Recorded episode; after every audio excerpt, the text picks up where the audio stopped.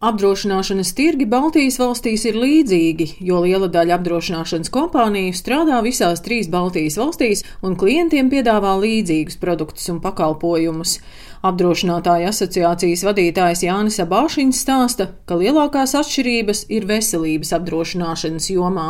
Latvijā pateicoties tam, ka veselības aprūpe no valsts puses ir bijusi vāji finansēta ilgus gadus, tad līdz ar to mums ir samērā attīstīta veselības apdrošināšana, kura attiecīgi Gleišos un Igauņos attīstās tikai pēdējos gados. Un apdrošinātāji kopumā varētu teikt, ka kā nozare ir diezgan unikāla, jo strādā praktiski ar visām citām nozarēm. Līdz ar to mums, kā apdrošinātājiem, nav tā atkarība tikai no turisma vai tikai no avio pārvadājumiem. Līdz ar to kaut kāds biznesa apjoms mums gāja mazumā, bet vienlaikus kaut kāds biznesa apjoms arī nāca klāt, jo parādījās pieprasījums pēc tādiem produktiem, kuri nebija pirms tam.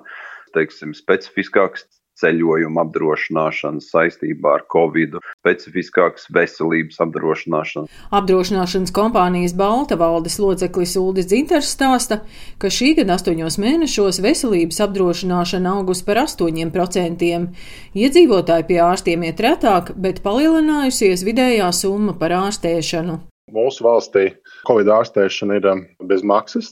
Bet, protams, ir gadījumi, ka izmanto rehabilitācijā un tādām lietām. Mums arī tāds produkts kā Covid nelēmas gadījuma apdrošināšana, kur, ja klients ir nokļuvis slimnīcā vai reanimācijā, vai pats ļaunākais, ka nomiris, tad tiek izmaksāta atlīdzības summa. Ja? Nu, tā, tas arī tas, ko atsevišķi klienti pieprasa sev papildus segumā. Bet tā kopumā jāsaka, ka veselības apdrošināšanā izmaiņas ir mazāk nekā ceļu apdrošināšana, kas vairāk ir ietekmējusies no šī Covid apstākļiem.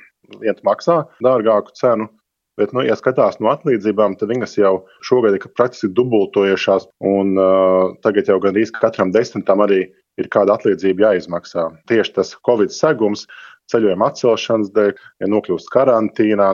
Uldis Zinters no Baltas arī stāsta, ka kopumā nedzīvības apdrošināšana šogad augus tikai par 2,6%, kas ir uz pusi mazāk nekā gadu iepriekš bet pandēmijas laikā par 11,9% palielinājies to cilvēku skaits, kas apdrošina savus īpašumus. Cilvēki daudz šogad arī veids dažādus mājokļu labiekārtošanas darbus, jo strādā no mājās un apzinās savu īpašumu vērtību. Šī Covid krīze cilvēkiem palīdzēja labāk saprast, kas ir riski, ko mēs saskaramies, un arī proaktīvi mēģināt tos risku ietekmi novērst. Tā, tā noteikti ir tāda ļoti labvēlīga tendence. Ja līdz šim mēs bijām tādi bezrūpīgāki, varbūt par rietumu Eiropas iedzīvotājiem, tad tagad mēs arī tuvojamies šajā ziņā.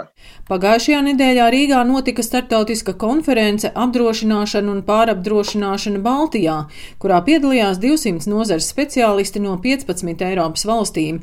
Tajā spried arī par nozares nākotnes izaicinājumiem.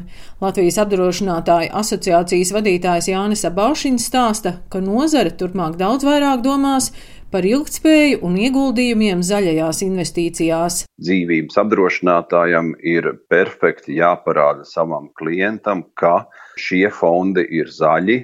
Igauniem ir šis degakmens, kas viņiem ir līdzīgs oglei.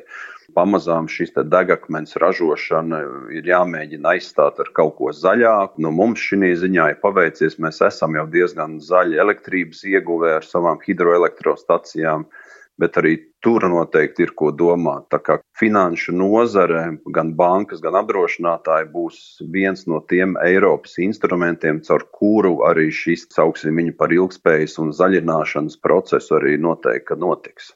Konferencē runāja par vēl kādu problēmu. Visā pasaulē strauji pieaug kibernoziegumu skaits. Turpina Baltas valdes loceklis Uldis Dzintars. Diemžēl ne visas IT sistēmas ir pilnīgi aizsargātas un tā ievienojuma diezgan liela. Un, attiecīgi, tas gadījumu skaits, kad ielaužās šajās sistēmās, no tā ir izdevumi vai nu to seku novēršanā, vai pat maksāt kaut kādu izpirkumu naudu, lai novērstu šīs problēmas, ir ļoti, ļoti pieaudzis. Amerikā daudz apdrošinātāji pat ir apvienojuši tādu kopīgu informācijas pūlu, lai kopā redzētu, kas notiek, jo tā ir ļoti nopietna problēma no vienas puses labi, ka pasaule kļūst digitālāka, no otras kļūst ievainojamāka. Un šobrīd šī apdrošināšana skrien līdzi tam vilcienam, šim gadiem skaita pieaugumam. Ar vēl vienu Covid pandēmijas izaicinājumu Attālināto pārdošanu apdrošinātāji tiek galā veiksmīgi, bet soli neaizmirst arī par tiem, kas joprojām vēlēsies saņemt pakalpojumu pa telefonu vai uz vietas birojā. Daina Zalamane, Latvijas radio.